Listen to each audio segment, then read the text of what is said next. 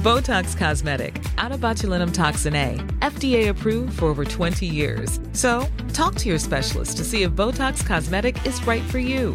For full prescribing information, including boxed warning, visit BotoxCosmetic.com or call 877-351-0300. Remember to ask for Botox Cosmetic by name.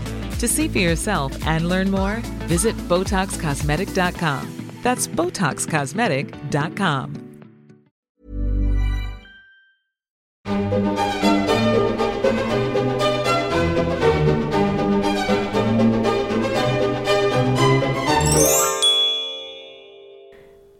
Hej och välkomna till Kungligt med Sara Eriksson. och Jenny Alexandersson. Hur mår du Sara? Jag är förkyld som ni säkert hör så att jag ber om ursäkt på förhand för den lite krassliga rösten. Eh, Men i övrigt är det bra. Hur mår du Jenny? Jo, men det är bra tack. Jag har haft eh, precis ett par dagar inne på redaktionen. Det var ju ett och ett halvt år sedan som vi alla såg, så det var otroligt kul att träffa alla kollegor igen. Men jag blev nästan lite folkskygg kände jag. Jag har ju varit inne någon gång då och då, alltså någon gång i veckan sådär. Men då har ju inte varit så mycket folk på plats, så nu blev det en helt annan grej. Det är också nu man inser hur mycket energi det tar att socialisera sig. Ja, men verkligen. Och vi har ju inte setts i någon studio på ett och ett halvt år också, ungefär. Eh, Det ska bli jättekul. Nästa vecka så ska vi ha ett festligt avsnitt i studion för första gången på jättelänge. Alltså som jag längtar, dels för att träffa dig, dels kan vi garantera ett bättre ljud, mindre teknikstrul och det är en helt annan grej att få sitta mitt emot varandra och prata kungligt. Alltså jag har längtat, längtat, längtat. Äntligen är det dags! Ja, äntligen är det dags. Men vi ska... Vi skulle, ju, vi skulle ju faktiskt ha gjort det redan den här veckan egentligen, men då var det min förkylning som satte stopp. Ehm, Men nästa vecka ska jag vara frisk. Nästa vecka kör vi. Ja. Men vi ska beta av det här avsnittet och det är fullt med härligheter. Bland annat pratar vi om att prins Carl Philip har gjort en ny investering. Samtidigt som en annan kunglighet, prins Andrew, tvingas sälja sitt lyxhus i Verbier. Och vi ska Ja, även prata... Vi, motsatser. ja, men verkligen. Och så Ja. ska vi även prata om rättsprocessen som Andrew är inblandad i. Och så vet vi även vad hans barnbarn nu kommer få för namn. Vi ska även prata om att eh, ytterligare en sån här avslöjande bok om, det, om livet bakom de brittiska slottsväggarna kommer att ges ut. Och eh, ja, liksom många andra av de här böckerna så kan vi vänta oss att den kommer att avslöja en hel del. Eh, och apropå det så har ju även Georginis man Jack avslöjat att det finns då hemliga så kallade sprittunnlar under Buckingham Palace. Det måste vi prata om Jenny. Ja men gud vad spännande, det vill jag höra allt om. Och eh, Harry och Meghan de har besökt New York, det vet ni ju. Eh, och där togs de emot som kungligheter och hade med sig ett filmteam. Ja, och Harry har även andra storslagna planer på gång samtidigt som hans bror William gör en insats lite i motpol mot sin bror kan man ändå säga. Eh, och sen har ju flera kungligheter avslöjats i det så kallade Pandora Papers, vilket vi självklart ska prata om. Men eh, vi börjar med eh, Carl Philips eh, nya investering. Ja, vi ska prata om sport. Det är väl typ första gången vi gör det i den här podden. Men eh, Sara, spelar du paddel? Jag spelar paddel, jag är inte sådär inbiten som många andra, jag är inte beroende. Men eh, alltid när jag är och hälsar på mina föräldrar i Nora så spelar vi en hel del paddel. Jag tycker det är väldigt kul. Har du fastnat Jenny?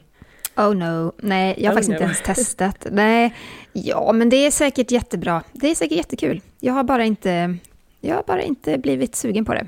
Du får helt enkelt inte börja för det verkar ju vara som ett slags paddel, ett paddelberoende härjar ju runt om i landet. Ja, en annan person som också gillar paddel det är prins Carl Philip. För enligt Dagens Industri så har han investerat pengar i en paddelbana som ligger på taket till NK-huset i Stockholm. Och eh, alltså på det här taket, det är en väldigt lyxig anläggning får man väl ändå säga. Det är fyra banor, det är ett utegym och så är det en servering. Och vi har ju sett det lite på håll, eller hur Sara? Ja, det har vi gjort. Eh, Vi åt ju en eh, sommarlunch tillsammans innan semestern och eh, det var på ett annat tak kan man säga. Men därifrån kunde man då se ner till den här paddelbanan och baren och det ser ju lyxigt ut. Jag har själv inte spelat där och anledningen är helt enkelt att jag känner mig för dålig. Äsch. Jag tror inte att det är någon bana för proffs. Du tror inte Verkligen det? inte. Nej. Nej. Men nu har företaget bakom de här paddelbanorna tagit in nya investerare och en av dem är alltså då prins Carl Philip. Och enligt Dagens Industri så har han investerat pengarna helt privat. Och eh, Oskar Arsjö, som är grundare till anläggningen, han berättar för tidningen att han ännu inte sett prinsen spela. Men nu när det inte finns några restriktioner längre så ja, då kommer han ju säkert kunna få ge Carl Philip en riktig match. Eller tvärtom. Ja, och han säger även att sport och paddel ligger prinsen varmt om hjärtat och eh, hovet bekräftar att prinsen investerat i anläggningen och att han har ett stort intresse för sporten. Och jag tänker att det här med bollsport och tennis, det ligger ju liksom lite i, i blodet, eller det finns i blodet. Eh, Vegura till exempel var ju väldigt bra på tennis. Eh, så han har det väl i sig.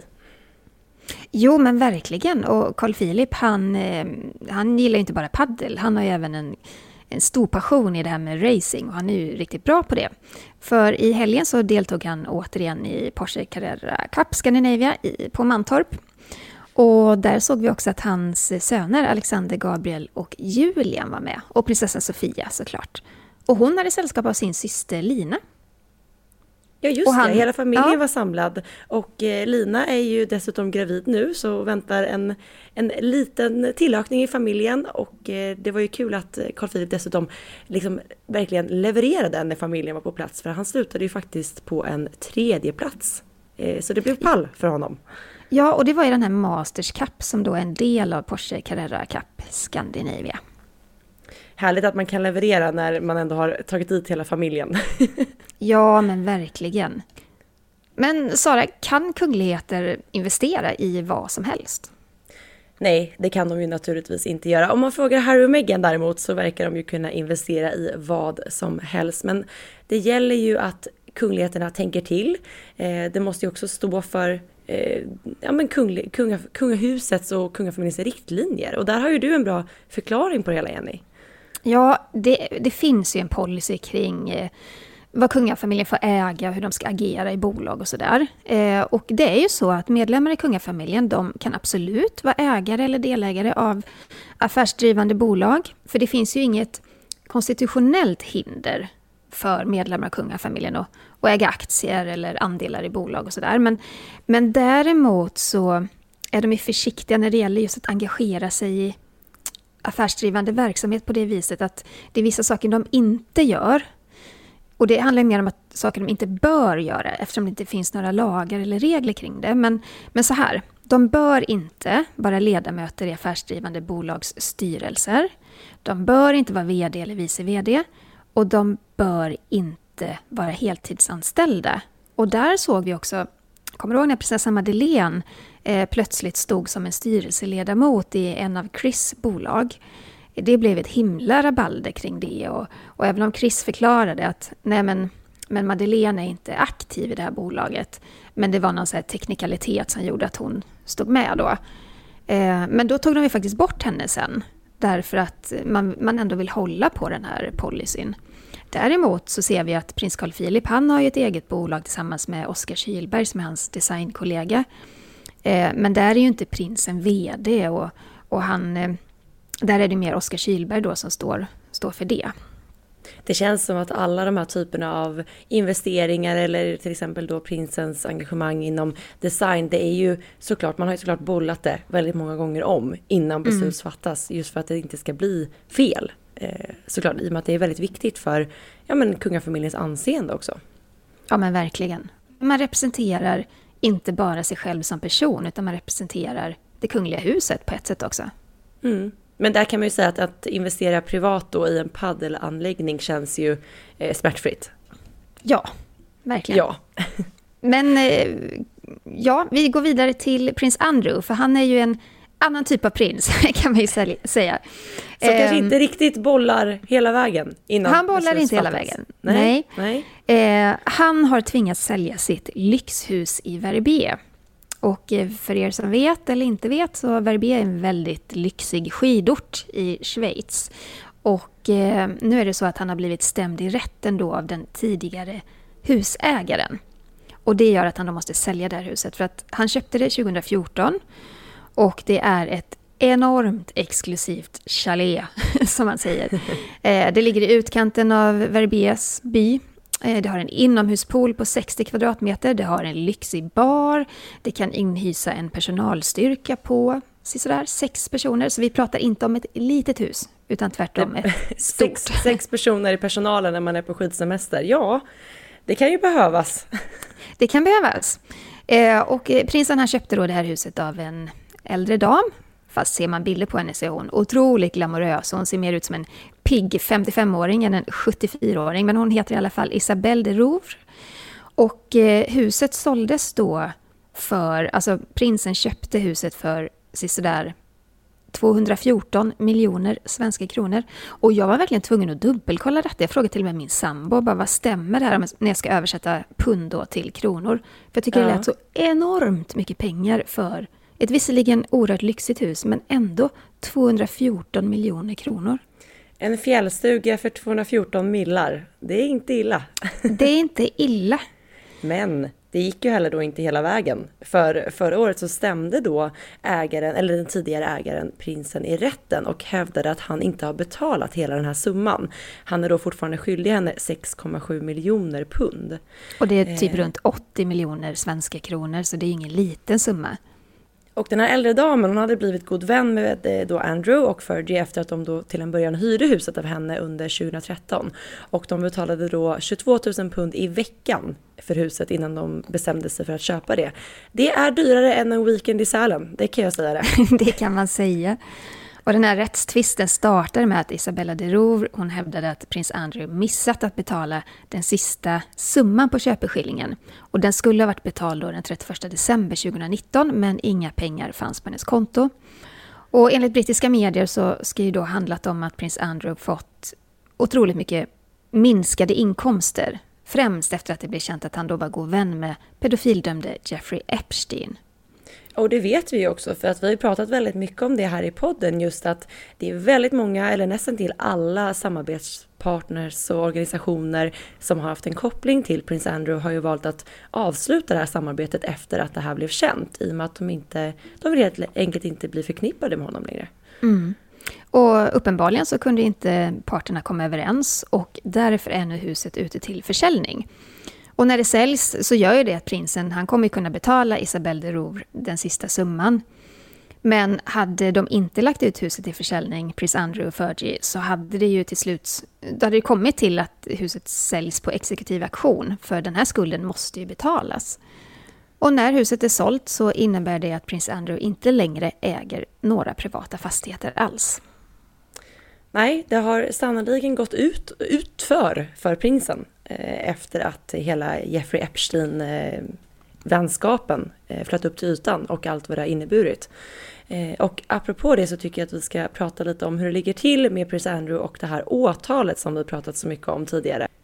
För prins Andrew har ju äntligen då accepterat delgivningen. Han är ju som ni vet åtalad för sexbrott efter att Virginia Roberts eh, stämde honom i en domstol i New York.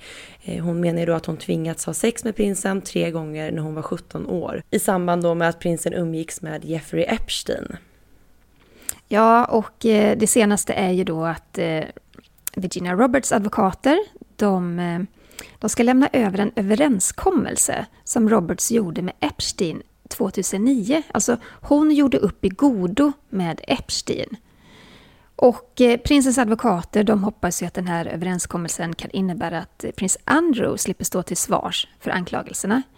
Men, men Roberts advokater de anser att den här överenskommelsen den är helt irrelevant när det gäller Andrew för att den gällde ju Roberts och Epstein helt enkelt. Men det som är intressant i det här det är också att prins Andrew mer eller mindre har ju gömt sig i sitt hem, Royal Lodge, och sen har han även hållit sig bakom grindarna på Balmoral hemma hos mamma drottningen i tre veckor. Eh, men nu så har han då återvänt till Royal Lodge, han gjorde det den första oktober och eh, han log stort mot fotograferna som hade hängt utanför Balmoral eh, när han lämnade slottet. Och ja, då har väl han slutat kört den här strutsmetoden då, äntligen, där han tror att han, bara för att han håller sig bakom de kungliga väggarna, inte ska kunna nås på något sätt. Jag vet inte ja, för det var, tänkt där.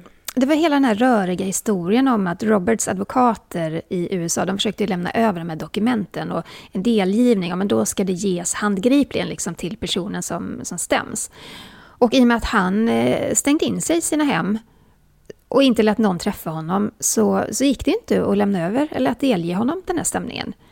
Men nu så det var mycket meck i meck med det där, men, men till slut så sa ju rätten till på skarpen och eh, nu har han ju då äntligen accepterat att han tagit emot den här stämningsansökan. Ja, och häromdagen så rapporterade ju The Telegraph att det är drottningen som nu finansierar prins Andrews försvar. Han har ju anlitat en av de mest kända advokatbyråerna i USA som är då specialiserade på fall som liknar prinsens. Eh, men prins Andrew har liksom inte de här stora summorna som krävs för att betala. Men det har ju däremot drottningen. Ja, och det här är ju komplicerat. Eh, prins Andrew är hennes son. Eh, det är klart att hon månar om honom oavsett vad han hamnat i för, eh, för vidrigheter. Ehm, eller han har ju betett sig vidrigt. Han är inte dömd, men, men det är klart att hon ställer upp och försvarar honom och inte enbart på grund av att han är hennes son, utan även för att han är en del av den kungliga familjen. Och drottningen måste ju då också på något sätt försvara hela, hela det som är kungahuset och den kungliga familjen. Så hon hamnar ju i en väldigt konstig sits. Mm. Verkligen, för att eh, lite, här är lite så här, oavsett hur hon gör så kommer det ju såklart att bli ifrågasatt. Om ja. hon inte hjälper honom så blir det ifrågasatt och nu, nu när hon väljer att göra det så är det också många som ställer sig frågan till, till varför hon ska betala det. Ja, men alltså, drottning Elizabeth är ju väldigt mycket plikten framför allt och det som är hennes fokus är alltid det är kungahuset. Mm. Och det är samväldet och det är den kungliga familjen.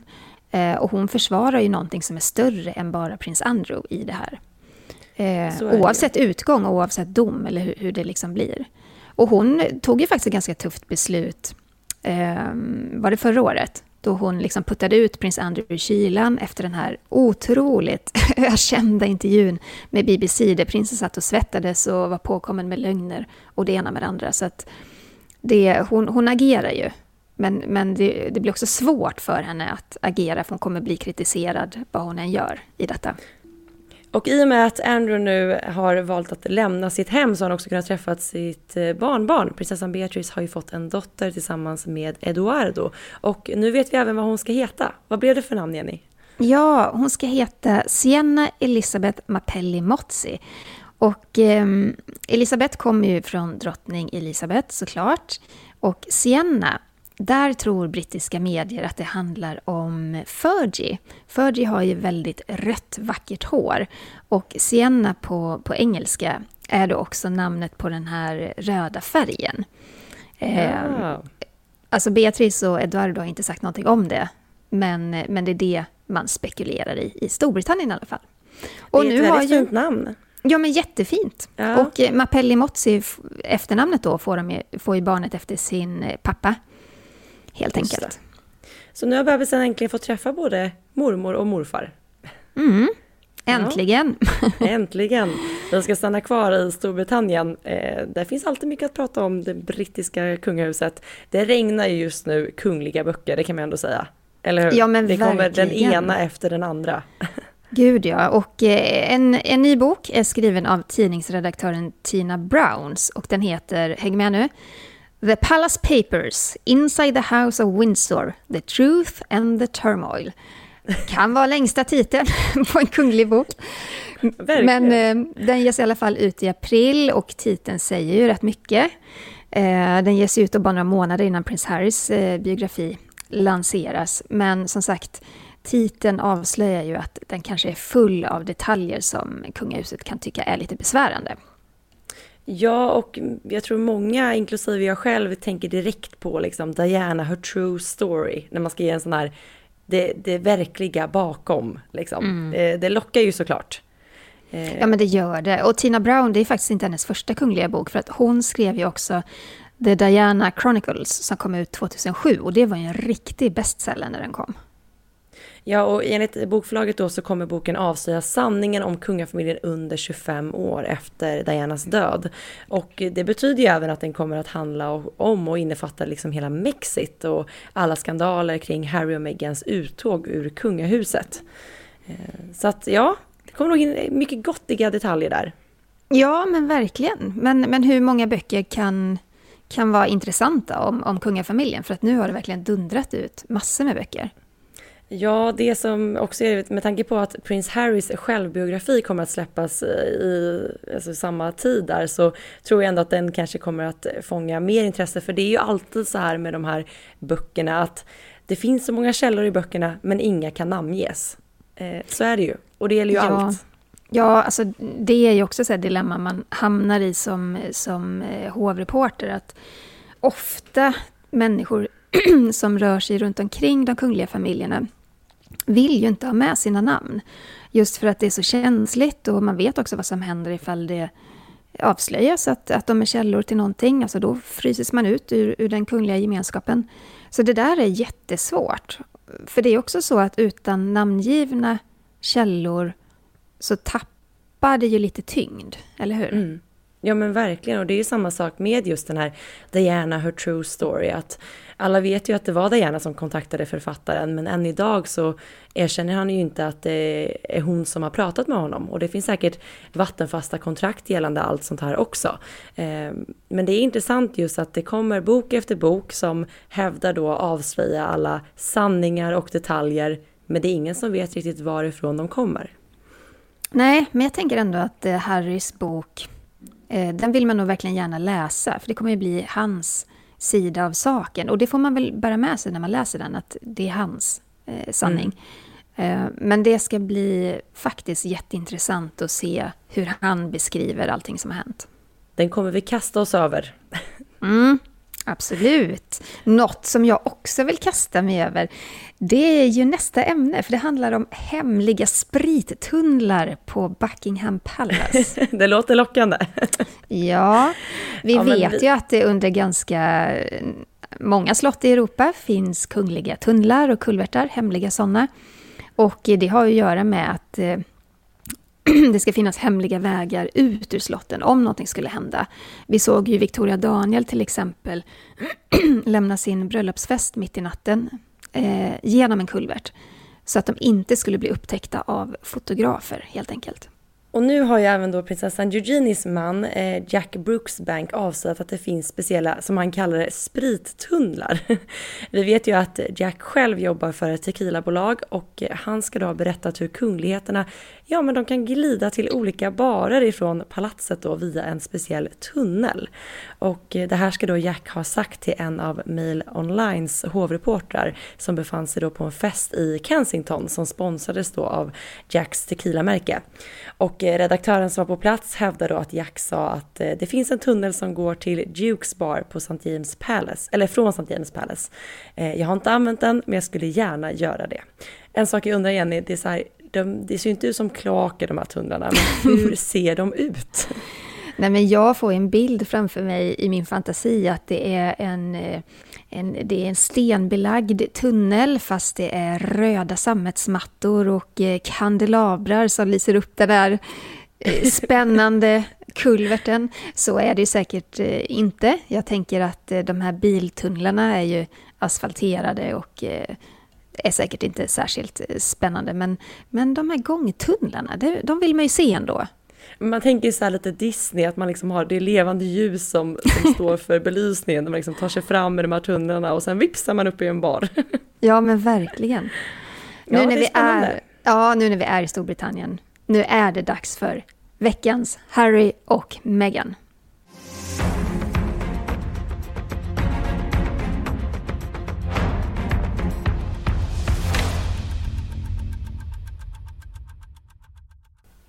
Ja, Harry och Meghan reste ju till New York tillsammans för att eh, vara med vid flera olika event faktiskt. Eh, bland annat vid den här vaccingalan i Central Park. De besökte en skola tillsammans och ett minnesmonument vid World Trade Center. Och eh, i samband med den här galan så höll ju också prins Harry ett tal. Och jag tycker vi kan lyssna lite på vad han sa. Guys, we have what we need to vaccinate the world. But the experts told us, here's what's getting in the way. They said many countries are ready to produce vaccines at home, yet they aren't allowed to because ultra wealthy pharmaceutical companies are not sharing the recipes to make them. These countries, these countries have the means, the ability, and the workers to start manufacturing. All they are waiting for is the vaccine intellectual property to be waived and for the vaccine technology to be transferred over. Och det här är ju ett spännande besök på så många olika sätt. Framförallt för att de togs emot som kungligheter. Alltså det var verkligen som ett officiellt besök, eller som ett statsbesök. Men Harry och Meghan representerar ju inte någon annan än sig själva. De är inte en del av det brittiska kungahuset längre. Men under det här besöket, de träffade New Yorks borgmästare och flera prominenta personer och det var arrangerade fototillfällen, det var bilkonvojer med eh, svarta tonade rutor på, på enorma suvar som stannade till och livvakter och alltså så mycket som ett officiellt besök. Ja, det var det verkligen.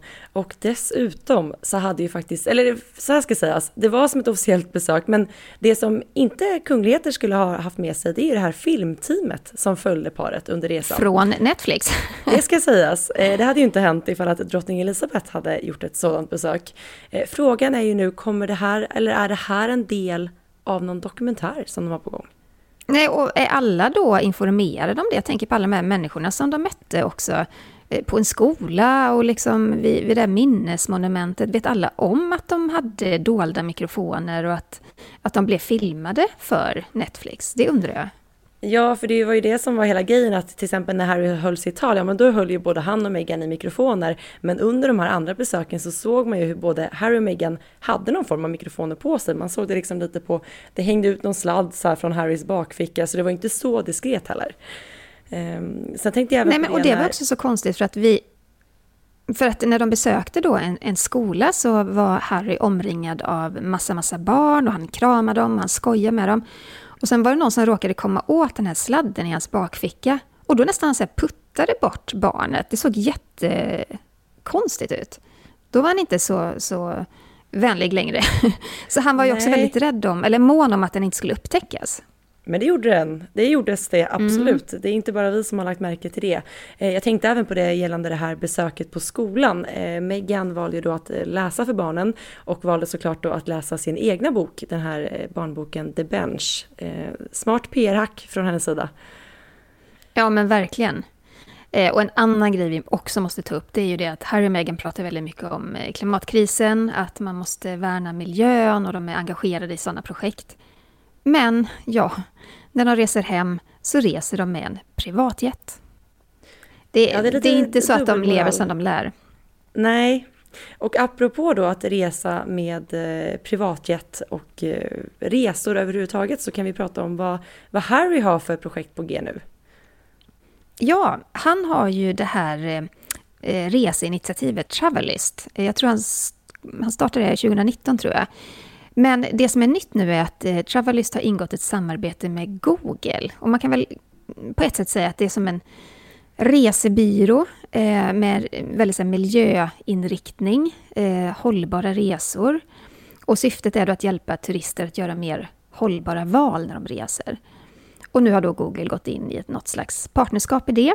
Och då ska man då sammanföra några av de största rese och turistplattformarna. Och redan nu så finns till exempel Booking.com och Tripadvisor med i det partnerskapet. Så att det är ju en, det är en stor affär.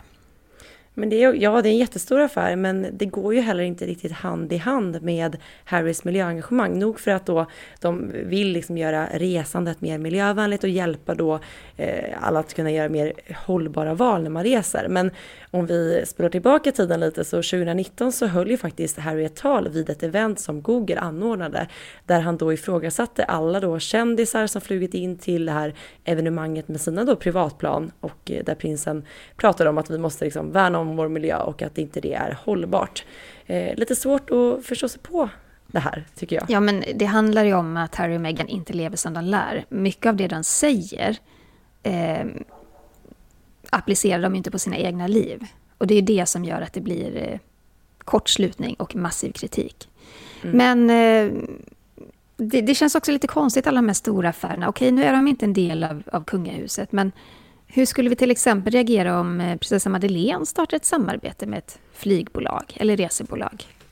Nej men det hade ju för det första aldrig hänt. Det tror jag vi båda två kan vara väldigt överens om att det skulle liksom aldrig ske. Precis som vi pratade om tidigare när det gäller just eh, kungligheter och eh, företagsengagemang och så vidare. Så att just flygbolag 2021 och kungligheter känns inte som att det hör ihop.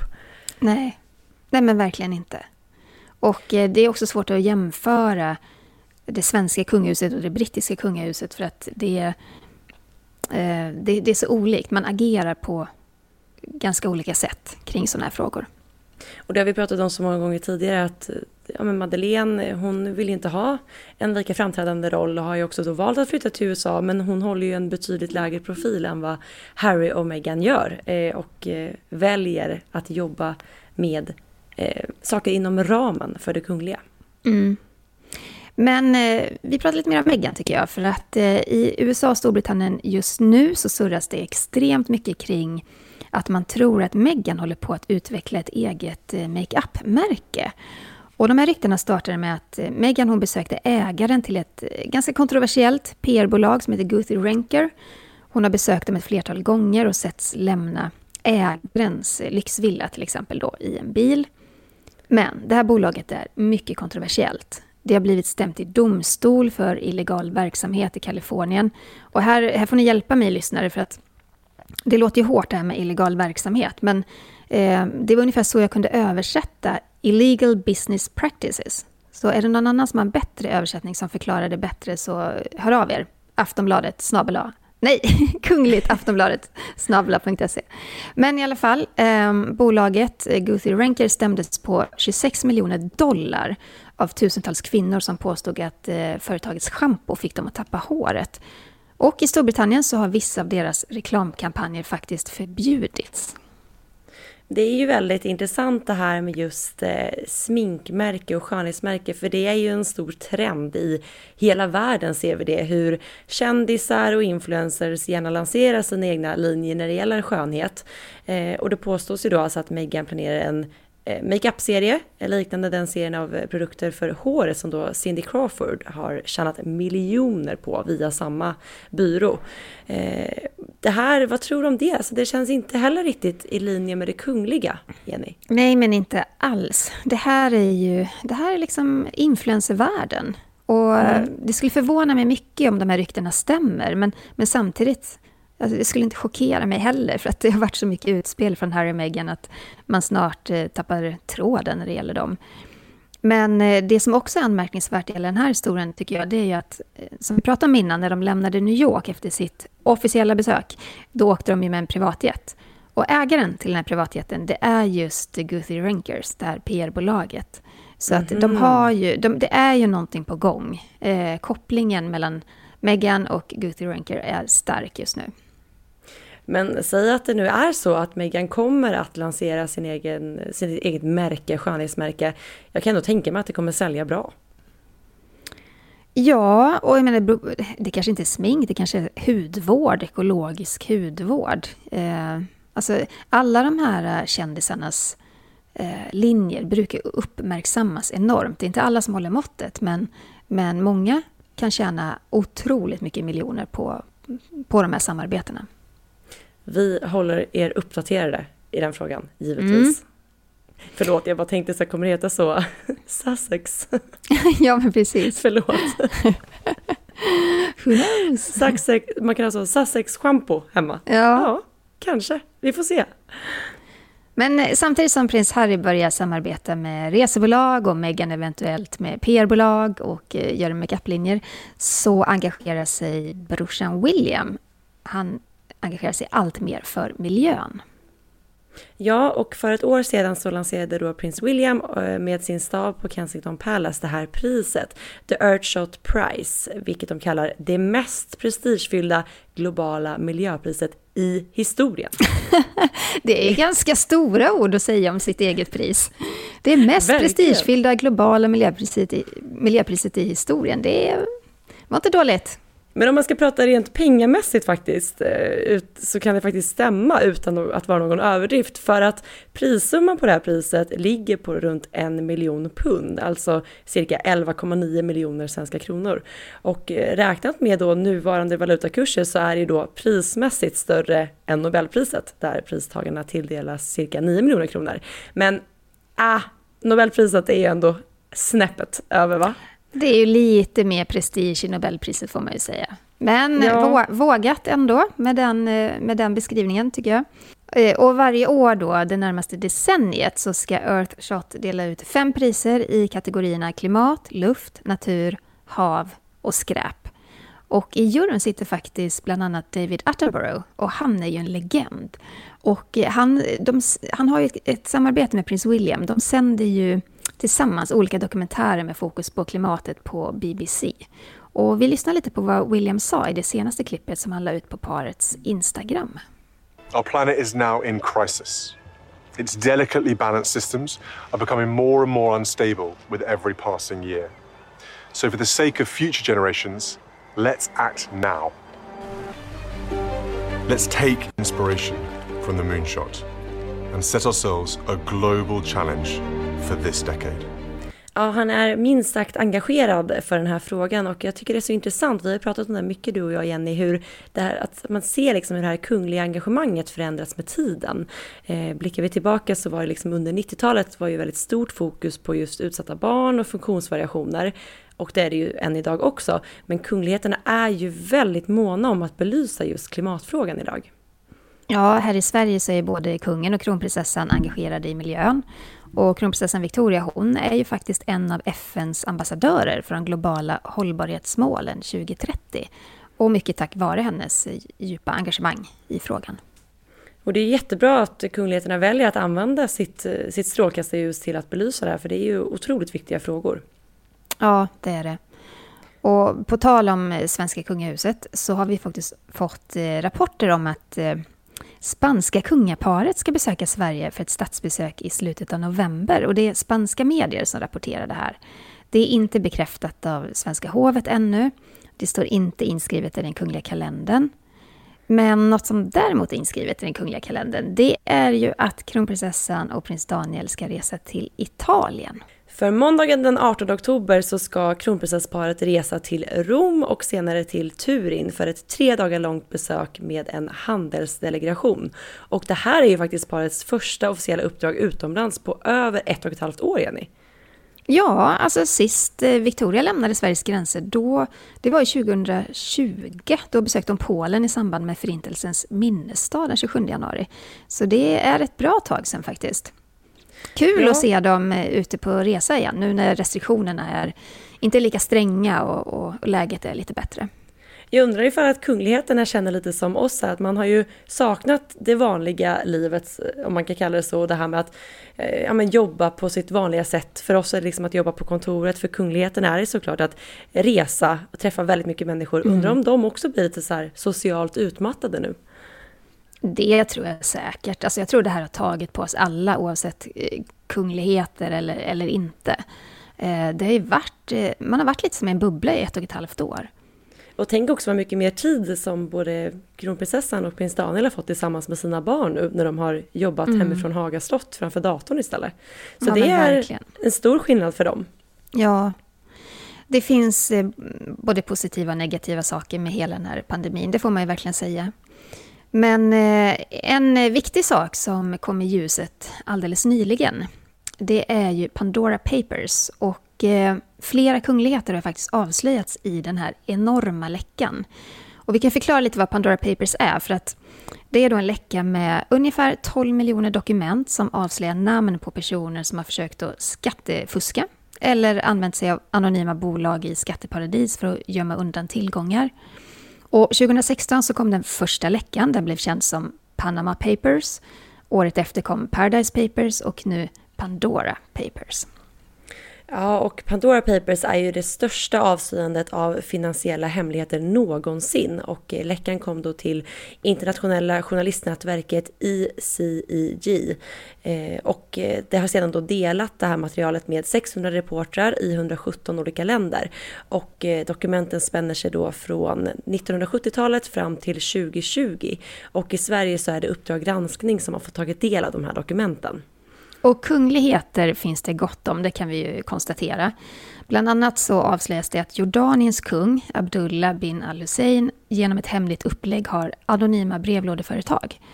Och de här företagen har då köpt 14 exklusiva fastigheter, främst i USA, Storbritannien, värda över 100 miljoner dollar. Det rapporterar SVT.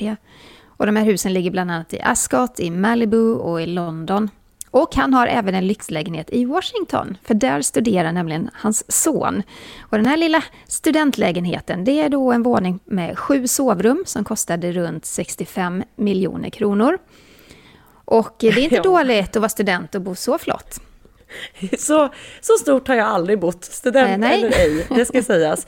Och eh, ett av de här husen då ligger ju i, i London, eh, nära Buckingham Palace och sträcker sig över två stycken fastigheter. Och det andra ligger då i det här exklusiva Belgravia och i Kensington. Så det är bra adresser som kungen har prickat in. Och kung Abdullah försvarar sig då genom sina advokater med att säga att han inte har begått något brott och att anonymiteten då handlar om hans säkerhet. Hmm, ja. Mm. Du, vet du vad? Hans säkerhet, alltså det är en av världens rikaste män. Jag tror att han har råd att eh, se om sin säkerhet på, på andra sätt än att använda skatteparadis. Men i Pandora Papers så finns ju även Förenade Arabemiratens premiärminister Mohammed bin Rashid Al Maktoum och eh, honom kan vi faktiskt nämna någonting kring för att eh, han, det är ju han som eh, eh kommer ni ihåg? Hans fru prinsessan Haya lämnade honom under väldigt dramatiska former. Flydde till London för att komma undan sin, sin make. Hon hade sina två minderåriga barn med sig. Och det pågår ju fortfarande en rättsprocess där kring, kring vårdnaden och massa andra saker. Och det var ju också han som eh, kidnappade Ehm, eller frihetsberövade två av sina döttrar som hade flytt, eller försökt att fly från Dubai och fly från hans välde. Eh, och eh, där har man inte hört så mycket mer av, av de här kvinnorna. Så att, eh, det var också under mycket dramatiska former. Så det här är en man med enormt mycket makt och en av, en av världens rikaste män helt enkelt. Och där tycker jag också vi får berätta att vi har ju faktiskt gjort ett helt poddavsnitt om just det här. Så om man är intresserad av att höra mer om det så finns det ett avsnitt som heter, jag tror att det heter Prinsessan Hayas flykt. Mm. Eh, om jag minns Lyssna rätt. gärna på det. Mm. Men sen i listan så finns ju också alltså, emiren Sheikh Tamim bin Hamad Al Thani i Qatar, också en extremt mäktig och rik man. Och prinsessan Lala Hasna av Marocko. Och hon är faktiskt syster till Afrikas rikaste monark, Mohammed den sjätte. Ja, och hon är ju ägare till ett skalbolag på Brittiska Jungfruöarna och det här bolaget köpte 2002 ett lyxhus eh, nära Kensington Palace värderat till närmare då 11 miljoner dollar. Eh, vad blir det? Runt 111 miljoner kronor? Ja, om man höftar till det. Ja, det är mm. sjukt. Sjuka summor. Och pengarna då som användes för att köpa bolaget kom från den marockanska kungafamiljen. Eh, så att det här var ett väldigt stort avslöjande. Ja, ja men extremt. Och, och man kan också säga då liksom att eh, fler som har varit nämnda i, i Pandora Papers, det är till exempel eh, Spaniens ex-kung Jean Carlos. Eh, där Ej kan man förvånad. Då, ej förvånad. Tillsammans då med sin dåvarande älskarinna Corinna Susanne Wittgenstein så försökte de gömma undan runt 660 miljoner kronor. Det här har vi också pratat om, för det här är pengar som dåvarande saudiska kung Abdullah bin Abdulaziz gav till Jean Carlos 2007 och man misstänker att det var en muta med koppling till byggandet av, kommer du ihåg det jag sa? Det var en tågbana mellan Mecka och Medina som spanska företag var inblandade Jag tror faktiskt att vi har gjort ett helt specialavsnitt om det också en gång, om man ja. vill lyssna mer eh, gällande det. Eh, men ja, de här avslöjandena, det är inte mer än rätt att det kommer upp till ytan tycker jag. Nej men verkligen, alltså människor med makt och mycket pengar, de tror att de kan stå över lagen och att, att de kan göra vad de vill. Jag menar, som då Dubais eh, härskare som har så, så många miljarder. Varför i hela världen vill han gömma undan pengar för att undgå skatt? Skatten bekommer honom inte. Jag menar det är så här, för honom är det en struntsumma. Han, han sitter på sån, en sån enorm förmögenhet. Och det är det som gör det så konstigt. Det är, det är verkligen så, mycket vill ha mer. Hela och girigheten bara slår igenom allt. Den, den, den flödar, girigheten ja. flödar liksom bland de här människorna.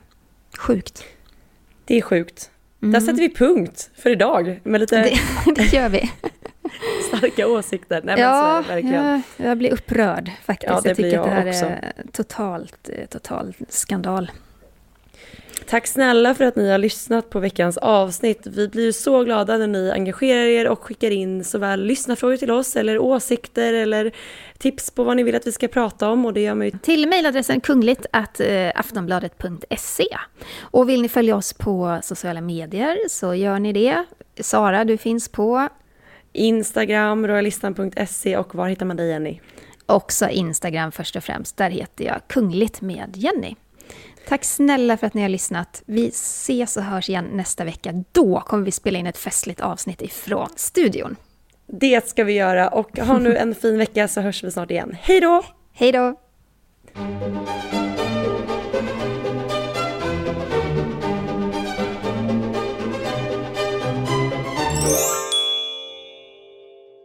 Du har lyssnat på en podcast från Aftonbladet. Ansvarig utgivare är Lena K Samuelsson. The number one selling product of its kind with over 20 years of research and innovation. Botox Cosmetic, out botulinum toxin A, is a prescription medicine used to temporarily make moderate to severe frown lines, crow's feet, and forehead lines look better in adults. Effects of Botox Cosmetic may spread hours to weeks after injection, causing serious symptoms. Alert your doctor right away as difficulty swallowing, speaking, breathing, eye problems, or muscle weakness may be a sign of a life threatening condition. Patients with these conditions before injection are at highest risk. Don't receive Botox Cosmetic if you have a skin infection. Side effects may include allergic reactions, injection site pain, headache, eyebrow and eyelid drooping, and eyelid swelling. Allergic reactions can include rash, welts, asthma symptoms, and dizziness. Tell your doctor about medical history, muscle or nerve conditions including ALS or Lou Gehrig's disease, myasthenia gravis, or Lambert Eaton syndrome and medications, including botulinum toxins, as these may increase the risk of serious side effects. For full safety information, visit BotoxCosmetic.com or call 877 351 0300. See for yourself at BotoxCosmetic.com.